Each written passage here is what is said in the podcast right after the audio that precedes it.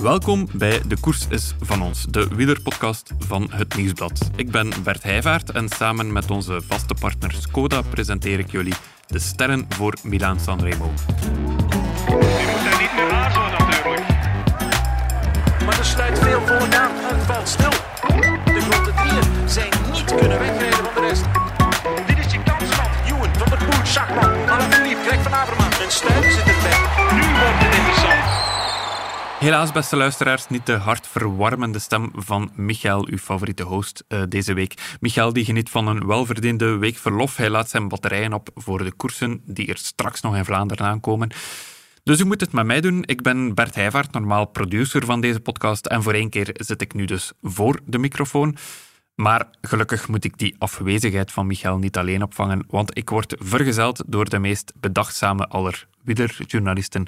Welkom, Jan-Pieter de Vlieger. Hey, dag Bert. We gaan eigenlijk direct met de deur in huis vallen, want Milan Sanremo dat is traditioneel opgedeeld in twee kampen. eh, de lovers en de haters. Ben jij een lover of een hater? Ja, de metamorfose is voor mij elk jaar hetzelfde. Ik ga van hater naar lover in een paar minuten, maar ik denk dat het voor iedereen zo is. Dat is de, de koers dat je van eh, ja, verveling naar totale opwinding gaat in een, in een, paar, in een paar seconden. Eh, je moet voor ons, en als je ter plaatse bent, eh, als je de koers verslaat, moet je van de perszaal naar de finish gaan, waar je dan Ja. op de renners wacht. En meestal, als je de perszaal verlaat, is er echt nog niets gebeurd. En dan moet je via de, de Corso Matteotti, is dat eh, een soort de, de winkelstraat, de parallelstraat van de Via Roma. Ja. Langs daar moet je naar de finish gaan.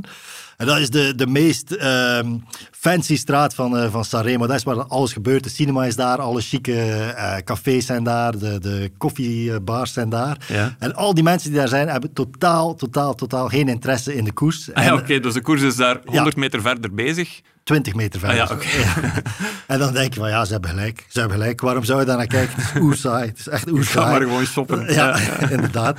En dan kom je aan de finish en dan eh, zie je door de laatste 10 kilometer met de, met de Poggio. En dat is totale opwinding. En dat vind ik, ik vind het fantastisch aan die koers. Omdat je elk jaar opnieuw toch weer denkt van, eigenlijk is dat saai. Ja. Maar het is, het is nooit saai. En als de renners arriveren, komen die dan, komen die dan ook aan tussen al die shoppende Italianen die misschien ook niet zoveel van die, die denken, is er hier een koers aan de gang? Of, eh, ja, het zijn evenwij- evenwijdige banen en die snijden eh, alleen in het oneindige. Dus die, eh, dat loopt nooit helemaal samen. Maar dat is wel, als de koers uitwaaiert, krijg je wel een soort mix. En dan, dat is ook nog vervelend voor ons, want al die renners zitten op de, de Lungomare, heet dat, de, Ja. de straat langs de, langs de kustlijn zitten die op hotel. Dus na de finish rijden die meteen door naar hun hotels. Dus wij moeten proberen om die staande te houden voordat ze vertrokken zijn of heel ver lopen naar de hotels om daar nog iemand te proberen te spreken. Ja, ja, ja. Nu, als je het over een spannende finale hebt, op, over een moment dat de koers echt volledig ontploft, ja, dan is vorig jaar wel een fantastisch voorbeeld. Laten we misschien nog even luisteren naar hoe het dan is gegaan. He's trying to surprise them all. What a famous victory that will be. Jacopo Mosca. It's Stuyven, they're saying. Stuyven indeed. En Stuyven, die komt naar voren. Stuyven, ja zeker goed. Dit is je kans, man. And Jasper Stuyven, the chocolatier from Flanders, may about to show that he has got a very, very sweet tooth still here. En een tegenaanval van Søren Kragh Andersen. Dat is nog zo'n lepe kerel. 700 meters remaining. Make that 600 meters. They're all looking at each other. That's got to be good news because Sarah Grau has ridden. And that's good news for Jasper Stuyven. Oh, dit is echt wel nagelbijtend, nagelbijtend. Here comes Matthew Van Der Poel. Van Der Poel launches. Will he get to Stuyven in time? Stuyven surely has enough in hand. Jasper Stuyven's got to hang on. That famous victory in Milan San Remo. Wow, absolutely wow. Um, fantastic for Stuyven. Ja, ik moet zeggen, Jan-Pieter, toen ik eh, die compilatie hier eh, samenstelde met fragmenten van Sporza, Eurosport en Encycle trouwens, dan heb ik die aankomst nog ja, een tiental keer opnieuw bekeken en het blijft spannend. Ook al ken je de uitkomst, het blijft kippenvel en het blijft enorm spannend voor Jasper Stuyven, want ja, als je de streep 20 meter verder legt, dan, dan verliest hij gewoon. Ehm, classic Milan Sanremo eigenlijk. Ja, inderdaad. Dat, dat is het goede aan die finale. Dat, dat lijkt altijd zo net wel, net niet eh, te zijn. Eh, Nibali, toen, toen dat hij alleen ging vanaf de Poggio, Ja. die, die eh, had maar net genoeg tijd om zijn handen nog even in de lucht te steken aan de finish, want peloton zat ook vlak achter hem. Alaphilippe en eh, Van Aert twee jaar geleden eh, was net hetzelfde. Die sprinten tegen elkaar, maar de peloton zat eh, hen ook op de hielen. Dus ja, dat klopt altijd eh, perfect. En zoals je zegt, het is een puzzel. En die stukken moeten kloppen. Voor uh, Stuyven was dat helemaal het geval vorig jaar. Uh, moest Caleb Ewan in de groep achter hem nog een ploegmaat gehad hebben, was de uitkomst helemaal anders geweest. Ja. Mocht Søren Andersen niet meteen overnemen op het moment dat hij bij Stuyven komt, is de uitkomst helemaal anders. Dus het moet kloppen en het klopte. Ja, ja, fantastisch. Een beetje geluk heb je nodig. Nu, vorig jaar wint hij die koers, Jasper Stuyven. Hij is titelverdediger. Maar eigenlijk hebben we hem tot nu, dit jaar, nog geen enkel moment in beeld gezien. Nee, ik ook niet. Maar uh, ik denk dat het ook wel een beetje zijn, zijn plan is.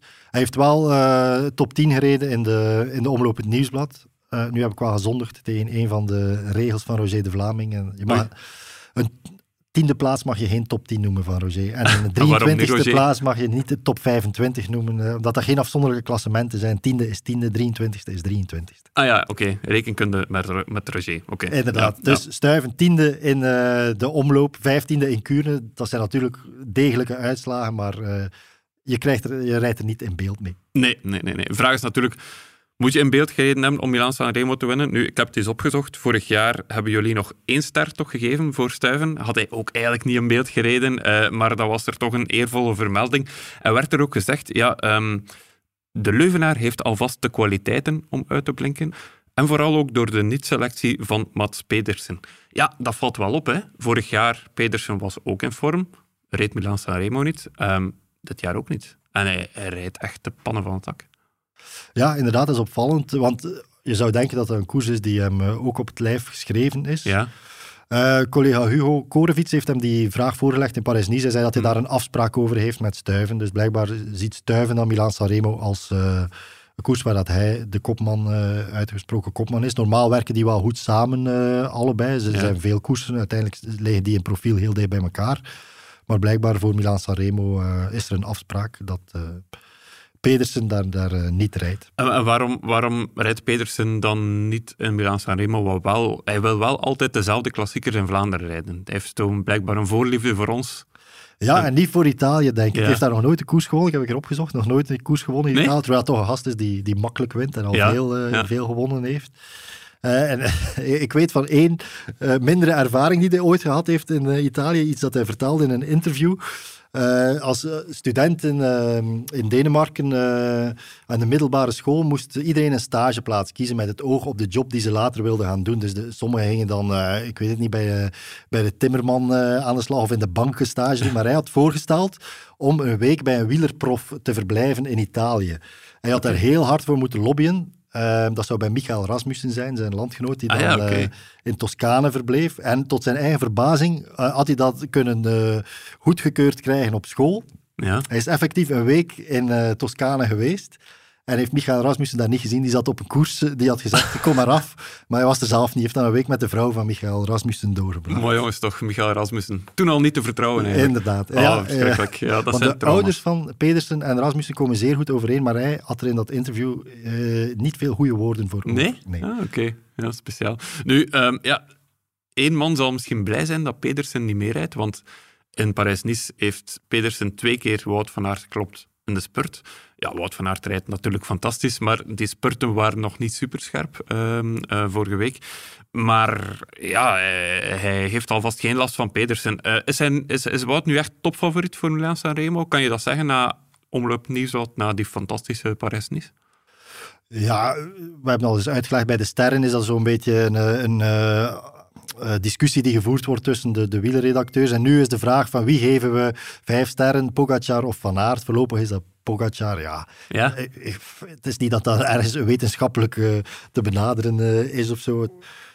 Ja, ik denk niet dat er veel, veel fout is met Van Aert. Als je zijn tijdrit ziet, als je ziet hoe dat hij Roglic na de overwinning loodst in de slotetappe, dan lijkt mij dat hij helemaal klaar is. Ja, enorm indrukwekkend. Nu, de man die Van Aert van nabij heeft gevolgd de voorbije weken, is uh, onze collega Hugo Korwitz. Die is net terug van Parijs-Nice uh, sinds, uh, sinds gisteravond laat. Dus ik heb hem vanochtend even gebeld ehm, met de vraag van welke indruk Wout van Aert op hem heeft gemaakt. Gaan even luisteren. Dag Hugo. dag Bert. Jij bent net terug uit het verre Frankrijk, het verre zuiden van Frankrijk. Uh, lange rit achter de rug gisteren? Ja, 1210 kilometer, dat verandert niet in de loop van de jaren, dat dan blijft gelijk. Natuurlijk met de stijgende uh, brandstofprijzen is de autostrade toch een beetje leger dan anders. Ja, maar uw recuperatievermogen is legendarisch, Hugo. Ja, nee, maar ik ben nu bezig met herstel, zoals de coureurs, om dan supercompensatie te krijgen voor de uh, april-klassiekers. Alleen met de leeftijd zal die, uh, zal die supercompensatie wel afnemen, denk ik. Dat valt te bezien. Goed, uh, we gaan het hebben over Wout van Aert. Um, uh, jij hebt die de hele week gevolgd in Parijs-Nice. Een super indrukwekkende Wout van Aert. Wat was uw indruk van hem? Op tv leek het alsof hij echt blakte van zelfvertrouwen. Uh, van Aert die is gewoon beestig goed. Zoals hij eigenlijk in de omloop het Nieuwsblad wegreed op het stijlste gedeelte daar op de beton, nog voor de kassein. Deed hij ongeveer wat hij wou in Parijs-Nice. Uh, voor hetzelfde geld wint hij drie ritten. Hij wint de tijdrit wat veel betekenend is in Montluçon met aankomst op de Rue Buffon. Voor Roglic, toch Olympisch kampioen. Eerste dag laat hij Laporte winnen. En ja, uh, hij heeft de laatste dag uh, onze vriend uh, Primoz Roglic op sleeptouw moeten nemen. Maar voor hetzelfde geld rijdt hij nog naar Yates toe in de afdaling. Helemaal alleen, maar dat was het plan niet. Het plan was gewoon eindklassement. Hij bent groen. En als je dan ziet dat hij ook nog tweede wordt in de bergtrui bergklassement waarbij je twee keer gewoon de koers laat lopen, dan weet je het wel.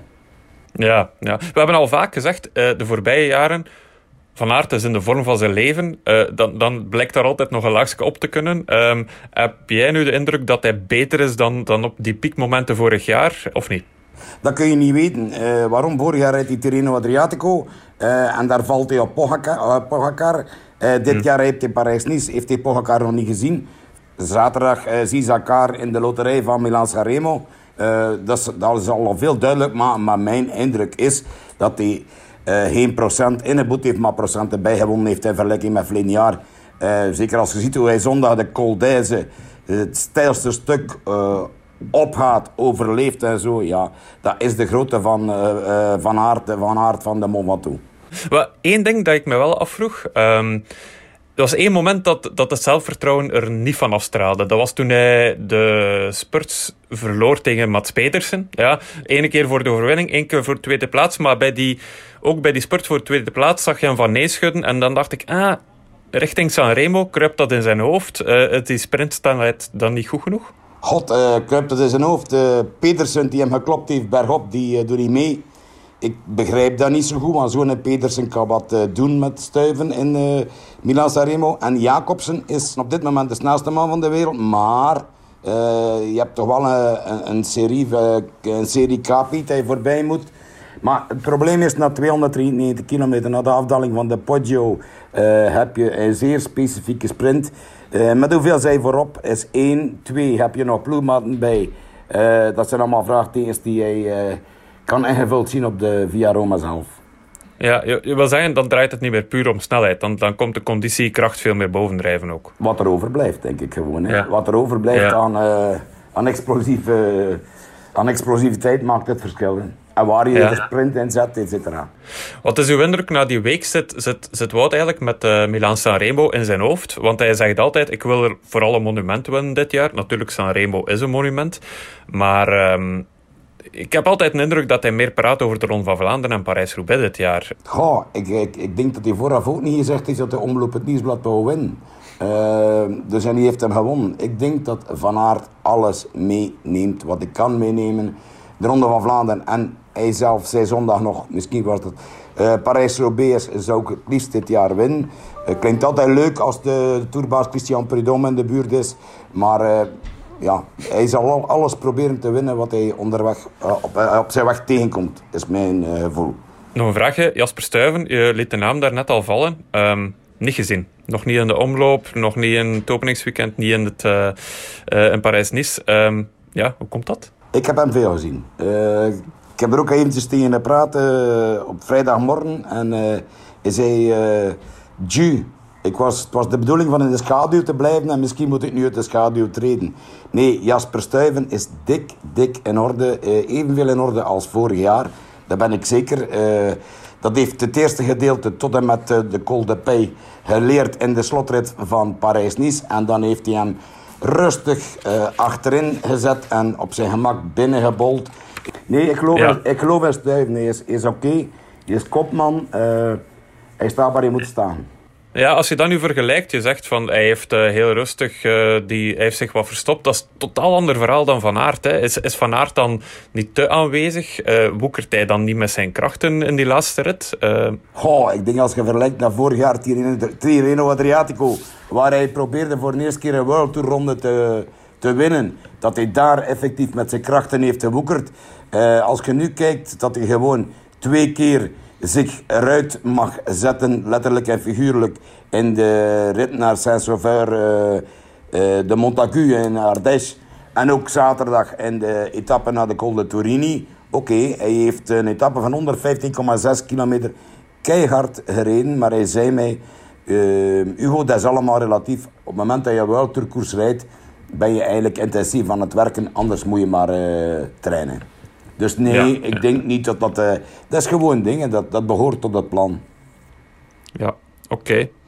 Ja, laatste vraagje. Het wordt al uh, bijna een klassieker. Um, wie is uw dark horse, Hugo? Want ja, Stuiven, je kunt dat geen dark horse meer noemen. Hè? Dat is titelverdediger, dus je gaat nog met uh, een andere naam moeten op de proppunt ja, komen. Ja, eigenlijk dacht ik weer mezelf zal, het dark horse van de vorige keer te pakken. Tom Pitcock. maar die heeft mij toen met spijsverteringsproblemen in de steek gelaten voor Strade Bianche. Zal niet onderschatten zijn opnieuw, ondanks het feit dat hij niet veel uh, gekoerst heeft, of niet meer gekoerst heeft. Maar er is een, volgens mij een man die mee kan met uh, Pogacar Wout van Aert op de Poggio. Maar ik hou het toch bij... Ik heb de naam twee keer gevraagd om gespeld te worden door de Deense televisie, maar het lukt me niet. Søren Krof Andersen. Maar mijn Krof, ah. mijn Krof is nog niet uh, voldoende Deens potverdikke, die wou ik ook nemen, maar hij is van u. Waarom? Uh, waarom Søren Andersen, de Woezarit, als was hij al geprobeerd, uh, probeerde hij op bergop te kijken hoe het zat door weg te rijden met een soort chaspatat, maar wel een bedoelde chaspatat. En dan hadden we ook nog uh, een aanvalspoging in de afdaling van de laatste col richting Aubagne tegen Toulon, waar hij dus gewoon in een zeer technische afdaling simpelweg wegreed uh, van het peloton. Dus dat was een tweede test. Uh, Poggio op, Poggio af. Ja, oké. Interessant, dankjewel Hugo. En um, uh, ja, nog veel succes. Tot de volgende keer. Tot de volgende keer. Ja, Dark Horse, uh, Søren Kragh Andersen. Um, ik had hem eigenlijk ook al opgeschreven, maar Hugo was eerst, dus ik moet op zoek naar een ander. Uh, maar uh, nog even over Van Aert. Um, wat ik me afvraag als kijker is, ja, hoe, moet je eigenlijk, hoe moet Van Aert nu eigenlijk rijden? Um, hoe moet hij alles inzetten op de sprint? Moet hij vol in de aanval gaan, zoveel mogelijk concurrenten eraf zweren? Moet hij rekenen op zijn tijdrijdcapaciteiten na de Poggio? Wat denk jij, als jij ploegleider zou zijn? Ja, dan staat Wout van Aert er niet goed voor als ik ploegleider zou zijn. Maar ik denk dat hij in uh, veel scenario's aan boord blijft. Uh, ik kan zeggen, als het vertrouwen in zijn sprint dan niet 100% is, uh, dat, dat hij erbij gebaat zou zijn om de koers heel hard te maken. Bijvoorbeeld vanaf de Cipressa. Dat is wel een scenario dat veel mensen verwachten. Dat UAE en Jumbo vanaf Cipressa heel, heel, heel zwaar tempo gaan rijden om zoveel mogelijk renners overboord te krijgen. Maar uh, ja, ik, er is geen scenario waarin dat Wout van Aert kansloos is natuurlijk. Als er aangezet wordt op de Poggio, verwacht je dat hij erbij is. In een sprint met een grote groep kan hij winnen. In een elite groep kan hij winnen. Dus ik denk dat uh, voor hem geen must is om het in een bepaalde plooi te leggen, maar hij is er zeker bij gebaat uh, als het vanaf de Cipressa zware koers is. Ja, maar heb je, in Sanremo, je hebt in Sanremo geen plan nodig voor de finale? Net omdat het zo ja, je moet in fracties van seconden beslissen van wat doe ik? Ga ik voluit? Uh, hou ik nog even in voor de spurt? Moet je dan vooraf niks bespreken of laat je, is dat puur koersintellect?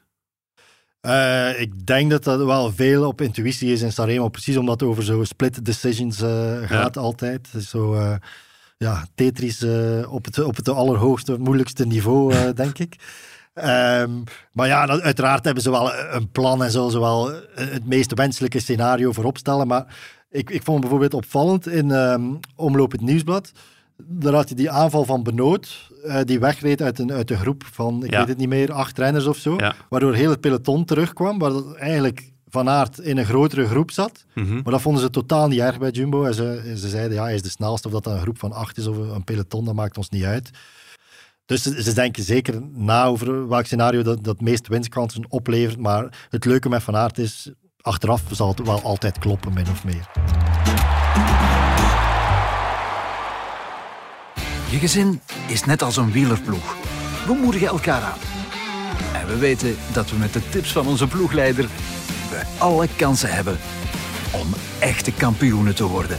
Skoda, supporter van de grootste fietsfamilie. Ja, u hoort het. Onze vaste partner Skoda die is vanaf nu ook weer van de partij. Heel blij zijn we daarmee natuurlijk. Uh, nu, Jan-Pieter, het uh, straffe is dat we zelfs met deze Wout van Aert echt in, in de vorm van zijn leven nog altijd twijfelen of hij wel topfavoriet is. Want daarnet zei je, ja, eigenlijk gaan vijf sterren nu naar Tadej Pogacar. Ja, dat is zo. Strade en Tireno hebben heel die perceptie een beetje veranderd. Uh, ik heb gelezen in, uh, in een Twitter-account dat uh, de inzet voor Pogacar voor de Ronde van Vlaanderen was. Het was niet voor Sanremo, maar die stond 1 tegen 80 in december. En die staat nu 1 tegen 7 of zo voor de Ronde van Vlaanderen. Dus ja, dat is compleet, compleet veranderd. Ja. We, ja, we, dichten hem de Merxiaanse kwaliteiten toe dat hij een ongeacht het parcours uh, kan winnen. Nu, Pogacar die reed weg waar hij wou eigenlijk, uh, in, uh, in, in, Tirreno en in Strade. vraag is, gaat dat ook zo zijn in Milaan-San Remo? Want je zit daar natuurlijk op een heel ander parcours. Ja, inderdaad. Pogacar is moeilijk in een, in een, hokje te steken, maar voorlopig zien we hem toch nog meer als, als een klimmer dan als een puncher. Uh, en de Cipressa is een inspanning van, van 9 minuten, 9 à 10 minuten. De Poggio is een inspanning van 5, 6 minuten. Dan denk je dat hij moeilijker zal hebben om veel verschil te maken dan bijvoorbeeld in, uh, in Strade. Ja, er zijn er eigenlijk weinig die dat kunnen, hè? Ja, Gilbert probeerde dat vroeger altijd, is hem niet altijd gelukt. Um, Nibali, zoals dat je gezegd hebt. Ehm, maar voor de rest gebeurt het eigenlijk zelden dat er echt iemand alleen wegrijdt op die Poggio. Ja, het moet van uh, Nibali geleden zijn. Ik denk uh, dat Alaphilippe ook wel twee jaar geleden alleen weg was, maar toen heeft Van Aert uh, in de afdaling ja. er naartoe gereden. Reed Alaphilippe bijna uit de bocht in die afdaling. Dus dat komt er natuurlijk ook bij. Je ja. kan wel een beetje... Het gaat nooit over gigantische verschillen. En de, de, de jagers hebben altijd het, uh, het mikpunt in de afdaling natuurlijk. Ja, ja, ja, ja, ja. Nu, over Pogacar, ja, de man die hem van nabij heeft gevolgd de voorbije weken, uh, dat is Guy van Langenberg, onze collega. Die zit al een tijdje in Italië, sinds de Strade Bianche. En ik heb hem eens gevraagd hoe dat peloton daar nu naar kijkt. Guido, va bene. Ciao. Ciao Bert. Uh, Come stai? Molto bene, molto bene, grazie. Oké, okay. we gaan vanaf nu verder in het Nederlands, want verder rekt mijn Italiaans helaas niet. Um, mm. Jij zit momenteel nog, het is maandag, jij zit nog in San Benedetto, als ik het goed heb? Wel, eigenlijk in Grotto Mare. Dat ligt net naast San Benedetto. Uh, maar de grens met, tussen Grotto Mare en San Benedetto is denk ik op een 200 meter van mij. Ja, ja, ja. ja. Om te kaderen, dat is de aankomstplaats van Tirreno Adriatico, traditioneel aan de Adriatische kust. En jij maakt later deze week nog de oversteek naar Milaan en naar Sanremo. Dat is al sinds de bedoeling, ja. Ja. Um, je zit nu anderhalf, anderhalve week in Italië. Um, ja, het is eigenlijk een week, anderhalve week, die al volledig gedomineerd wordt door één man, hè, door Tadej Pogacar. Ja. Uh, hij heeft eigenlijk Inderdaad. de concurrentie weer gedegradeerd. Hoe, gaat hij, hoe wordt hij eigenlijk bekeken in het peloton? Want het wordt een beetje schaamtelijk soms voor de concurrentie. Ja, maar toch heel veel respect. Omdat uh, Pogacar is niet iemand die, die zijn collega's belachelijk maakt. Hè. Je zal die verbaal nooit horen uithalen. Hij spreekt altijd met heel veel respect over zijn tegenstanders. En, en iedereen merkt ook wel dat ze met een fenomeen te doen hebben. Uh, als je met ploegleiders praat, als je met andere renners praat. Uh, Pogacar is, is ja, een fenomeen on, onwaarschijnlijk hoe hij momenteel weer aan het, uh, aan het rondrijden is. Um, wat mij wel opviel, hij kent Roger de Vlaming niet, blijkbaar. Dat is ik in de krant. En, nee, ik, uh, ik stelde hem die vraag, hè, want hij won nu voor de tweede keer op rij. Roger heeft, ik dacht van 1972 tot 1977, zes keer op rij gewonnen.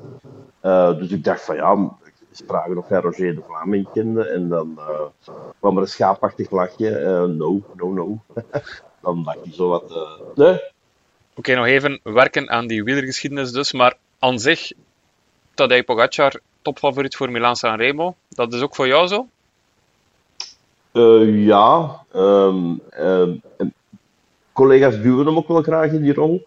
Hij zelf ziet dat niet zo, want hij, er werd hem gisteren ook gevraagd van ja, wie is naast jou nog een kandidaat winnaar voor Milan Sanremo? En hij zei, oh, ik kom vingers tekort ik ga ook geen namen noemen, want ik zou zeker Dennis vergeten. En daar heeft hij eigenlijk wel gelijk in. Uh, degene die als topfavoriet naar voren wordt geschoven in Sanremo, dat is zelden de winnaar van Milaan Sanremo. Voor de edities kan ik me enkel uh, 2019 Alaphilippe, die won toen Strade, die won twee ritten in Tirreno, werd ook door iedereen als favoriet voor Sanremo naar, naar voren geschoven en die won ook.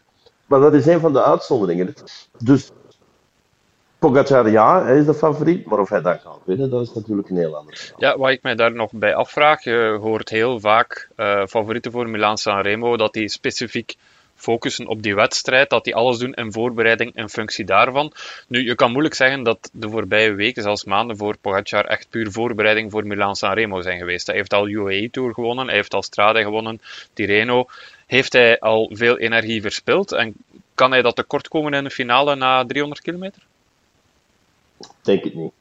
Die jongen heeft uh, zoveel energie. Die, ik, ik, ik denk niet dat hij tekort gaat komen omdat hij al te veel gereden of gewonnen heeft. Of omdat hij al te diep is gegaan.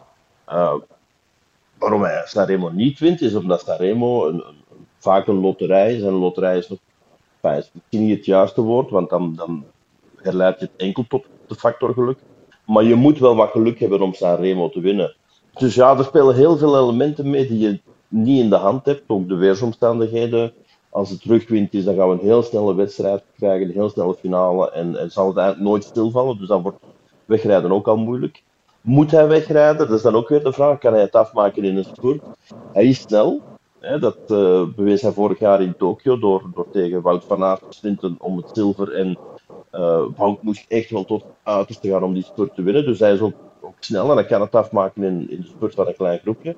Maar dan mag er geen Caleb Ewan bij zitten en voor hem waarschijnlijk ook geen Wout van Aert. Dus het kan alle kanten uitgaan, Bert. Ja, ja, ja. Op uh, Caleb Ewan komen we straks nog terug. Uh, eerst nog één vraagje over Tirreno, want ja, de grote uit, uitdager mm. van Pogacar, uh, Remco Evenepoel, voor ons natuurlijk. Um, daar ja. zaten we op te hopen, maar van die strijd is helaas niet zoveel in, uit, in huis gekomen. Hoe ging hij zelf om met die opdoffer? Ja, ehm, zaterdag na de finish hebben we hem niet kunnen spreken, wat wel jammer is. Maar ergens probeer ik er ook wel iets of wat begrip voor op te brengen. Het was koud.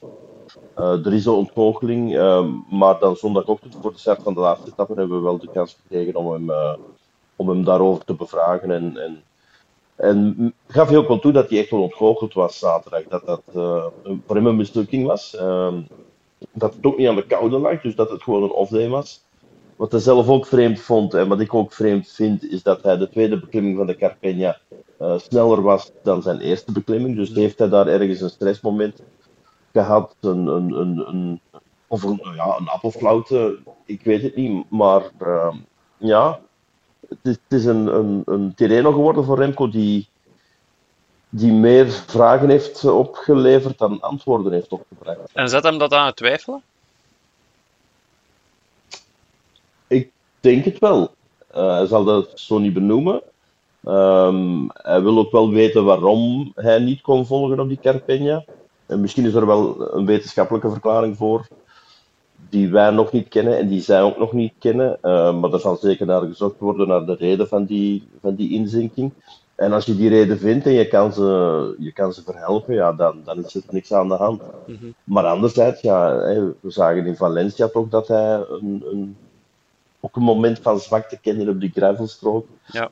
Uh, nu ook weer. Um... Ja, uh, nog een laatste ding daarover. Mark Sergeant zei, ja, naar aanleiding van die vele dipjes die hij al uh, opnoemde, zei Mark Sergeant uh, in het nieuwsblad als, als columnist, zei van ja, misschien moet Remco stil aan zijn doelen gaan herschikken, want hij is natuurlijk nog altijd supergoed. Alleen die dipjes, ja, in het rondewerk kan je je dat gewoon niet permitteren. Misschien is hij eigenlijk meer een eendagscoureur. Ik, ik denk dat niet. Ehm, Remco is en blijft een begenadigd tijdrijder. Uh, is ook iemand die, die goed kan klimmen. En ik ben ervan overtuigd dat hij nog vele ronden en rondjes zal winnen. En dat hij ook ooit wel Tirreno Adriatico zal kunnen winnen. Een grote ronde, drie weken, is natuurlijk een ander verhaal. Maar ik denk nog altijd dat hij meer rondrenner is dan, uh, dan eendagscoureur. Um, eendagscoureur, je moet toch ook over een, een, punchy finish beschikken om, om wedstrijden als Luik Bastenaken Luik te kunnen winnen. En dat heeft hij jammer genoeg niet. Dat zagen we bijvoorbeeld vorig jaar op het uh, Europees kampioenschap in, in Trente, waar hij met Colbrelli ja. op pad was, waar hij duidelijk de sterkste rijder in koers was. Maar als je dan op het einde moet sprinten tegen Colbrelli, ja, dan ben je verloren. Eh, Het Belgisch kampioenschap vorig jaar uh, raakt hij ook voorop met, uh, met Edward Teuns en Wout van Aert. Ja, dan is hij geen partij voor, voor Van Aert en voor Teuns. Dus ik, ik, ik, ik rijden zoals Pogacar eigenlijk rijdt. Uh, Pogacar is een ronderenner, maar die, die ook, graag eendagswedstrijden rijdt en ook graag eendagswedstrijden wint. Hij wint al Lombardije en hij wint al Luik. Um, dus, dus die, kan, die kan beide combineren, maar ik zou zeker Remco nog niet afschrijven als uh, ronderenner. Dat is, dat is veel te vroeg en, en, niet correct uh, naar de renner toe. Het, ja, het is gewoon niet correct. Ja, ja, ja. Oké. Zeker ook de toekomst. We zullen zien wat die toekomst nog brengt. Heel erg bedankt voor, uh, voor je tijd. Uh, nog, veel, um, ja, nog veel succes daar in Italië met de laatste dagen. En ook uh, in Sanremo, met de tocht naar Sanremo. En dan zien wij jou normaal gezien volgende week live terug hier in België. Dus, um... Daar rekenen wij Oké, okay. dikke merci. Hè. Ciao. Ja, Guy vermeldde daarnet ook Caleb Ewan. Um, blijft een interessante naam. Al twee keer tweede in Milan Sanremo. Um, een beetje onderschat, denk ik ook, als, als klimmer vaak. Uh, terwijl dat eigenlijk best wel makkelijk een, een, een bergje over geraakt. Hoe staat hij ervoor? Bij Juwen is dat heel op en af, vind ik. Zijn uh, kwaliteiten als klimmer in de Tour zie hem soms ontzettend vroeg lossen.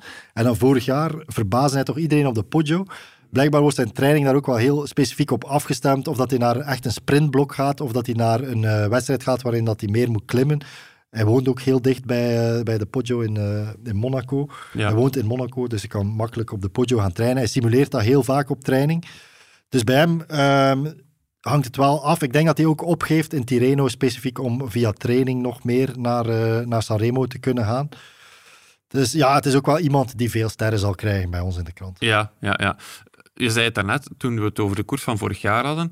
Hij miste daar een ploegmaat. Eigenlijk had hij wel eens daartoe moeten zitten. En misschien had hij dan wel gewoon gewonnen. Hè? Was de groep bij elkaar gebleven. Um, ja, is de ploeg van Johan sterk genoeg om hem te laten winnen? Uh, ja, als je naar die namen kijkt op papier, dan, dan staan er zeer veel uh, sterke, sterke renners uh, tussen. Uh, maar zoals dat je zegt, ja, vorig jaar, ik denk dat wel eens een beetje kraakte onder het tempo van, van Ghana op, uh, op de Poggio. Hij nam mm -hmm. zichzelf dat ook wel kwalijk, wel eens omdat hij dat ook volledig uh, meeging van, moest ik daar gezeten hebben, had Ewan wellicht gewonnen. Dus ja, het is voor Lotto Sudal ook wel uh, belangrijk, want de, de, update van de, van de World Tour ranking is, is er uh, gisteren gekomen en daar staan ze laatste van de, van de World Tour teams ja, op dit moment. Ja, ja. Dus druk is er al. De druk is er zeker, ja. ja. En um, de, de keren dat, dat spurters hebben gewonnen de voorbije jaren, denk aan Demar, Cavendish is al een tijdje geleden, maar um, dan zag je wel dat er echt een heel team volledig in functie van die spurter de hele dag controleerde. Um, bij Ewan stel ik mij ook een beetje de vraag, ja, staat Lotto daar alleen en is er eigenlijk nog iemand anders die het echt op een spurt wil laten uitdraaien? Dat is een zeer goede vraag. Als die er al zijn, bij, bij Kokar of bij uh, Bouhanni, dat, dat zijn niet de ploegen die uh, de grote motoren ter beschikking hebben. Het feit dat Colbrelli niet meedoet voor Bahrein zal daarin ook niet helpen.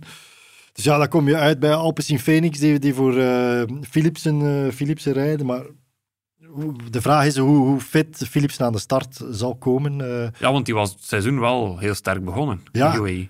En ik, ik sprak hem uh, woensdag tijdens uh, Paris-Nice. Toen zei hij, ja, in de vorm die ik nu heb, rijden ze mij er niet af in, uh, op de Poggio of op de Cipressa.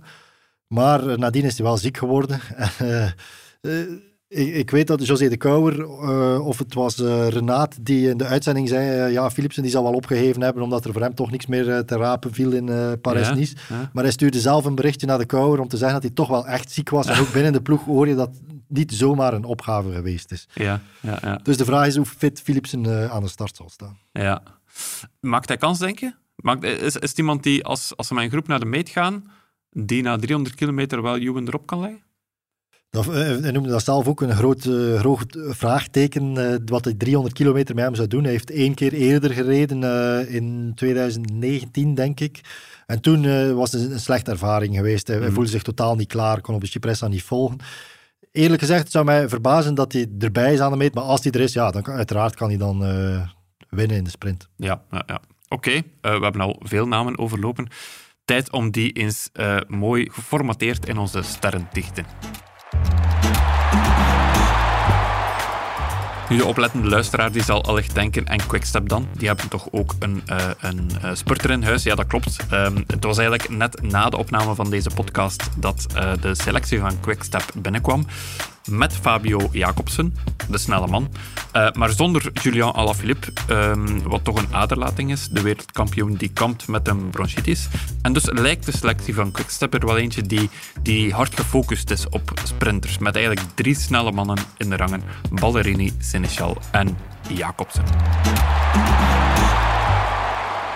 Jan-Pieter, de vijf sterren. Nou, wie gaan die? Die gaan op dit moment naar Tadej Pogacar. Ja, en... Er wordt nog heen en terug gemaild tussen de wielerredacteurs, maar ik denk niet dat eh, Pogacar nog uh, zal veranderen. Die zit daar gebeiteld. Dus dan de, gaan de vier naar Wout van Aert, neem ik ja, aan. inderdaad. Ja. Het is altijd zo, er is één naam voor vijf sterren, twee namen voor vier sterren, drie namen voor drie sterren.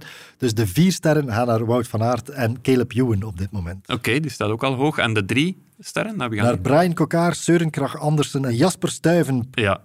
Um, twee sterren dan? Uh, dat zijn Primoz Roglic, Michael Matthews en Alessandro Covi. Die heeft natuurlijk voordeel, of enfin, voordeel. Uh, Trentin is zeer twijfelachtig op dit moment. Ja? Uh, ah, ja. Okay. ja. Die is uh, zwaar gevallen in uh, Parijs-Nice.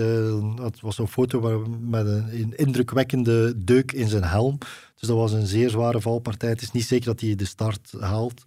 Waardoor dat Kovi wel een rang opschuift in de hiërarchie, denk ik. Ja, ja, ja oké. Okay. Maar en dan nog... nog altijd een eind onder Pogacar. ja, ja, kan ik me voorstellen. En dan nog ja, de, de, de uitsmijters, hè. Eén sterretje. Uh, ja, dat is uh, de mensen die we er absoluut nog in moeten krijgen, uh, ja, natuurlijk. Ja, ja. Philippe Gilbert, Arnaud Demar, Tom Pitcock, Jasper Philipsen, Alex Aramburu. Philippe Gilbert, um, is het uit sympathie, omdat het zijn laatste keer is? Ja, ik denk het wel een beetje. Ik had een interview met hem vorige week tijdens Parijs-Nice.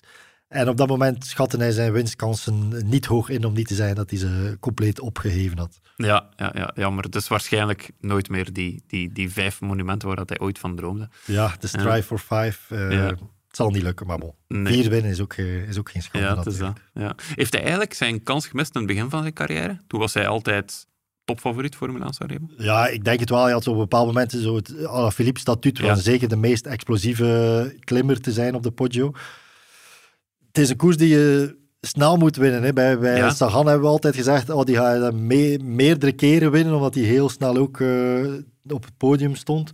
Maar het is er ook nog niet van gekomen. Item voor uh, Tom Bonen. Die mm -hmm. had ook wel uh, jaren waarin dat hij zo gezegd had moeten winnen. En het zou zeker ook nog lukken, maar het is er ook niet van gekomen bij Bonen. Nee, nee, nee. En een podiumplek waarschijnlijk in de rekenkunde van Roger dat ja, dat, dat al niet. Dat, nee. top drie. Staat niet. Oké, okay, goed. Jan-Pieter, heel erg bedankt uh, voor uh, ja, jouw deskundige inzichten alweer. Zaterdag volg jij de koers, neem ik aan. Ja, dat ga ik zeker doen. Uh, moet wel mijn, uh, mijn zoon van twee jaar ook een beetje entertainen ondertussen. Maar uh, probeer die te enthousiasmeren voor de koers. Voorlopig lukt dat nog niet zo goed, maar we, we werken eraan. Ja, ja, ja. beginnen met de regenboog. Dat is, ja? Ja, ja? Ja, ja, dat is een klassieker. Ja, ja. En trouwens, ja, je moet eigenlijk maar 10 kilometer kijken eigenlijk. Ja, zaterdag. dat is dus... zijn attention span. Is nog, alhoewel, nee, ook te veel. Dat, wordt, dat is ook al te veel gevraagd. Zo, dan kan hij misschien mee gaan shoppen in de aanpalende straten in ja. Sint-Amansberg. Zondag zien we elkaar terug, want dan gaan wij um, Milaan Sanremo bespreken. En uh, dan, uh, dan horen de luisteraars dat natuurlijk in onze podcast uh, die we op zondagavond publiceren. Tot dan. Yep, tot dan. Goed, afscheid nemen doen wij zoals altijd in dankbaarheid. dank aan Jan-Pieter de Vlieger, dank aan Guy van Langenberg, dank aan Hugo Korvits ook. Dank aan Skoda, de auto van de koers en onze trouwe partner. En ook dank aan House of Media om ons goed te laten klinken. Dit was een podcast van het Nieuwsblad, de krant van de koers. En vooral ook dank aan jullie, beste luisteraars. Geniet zaterdag van de koers en tot zondag.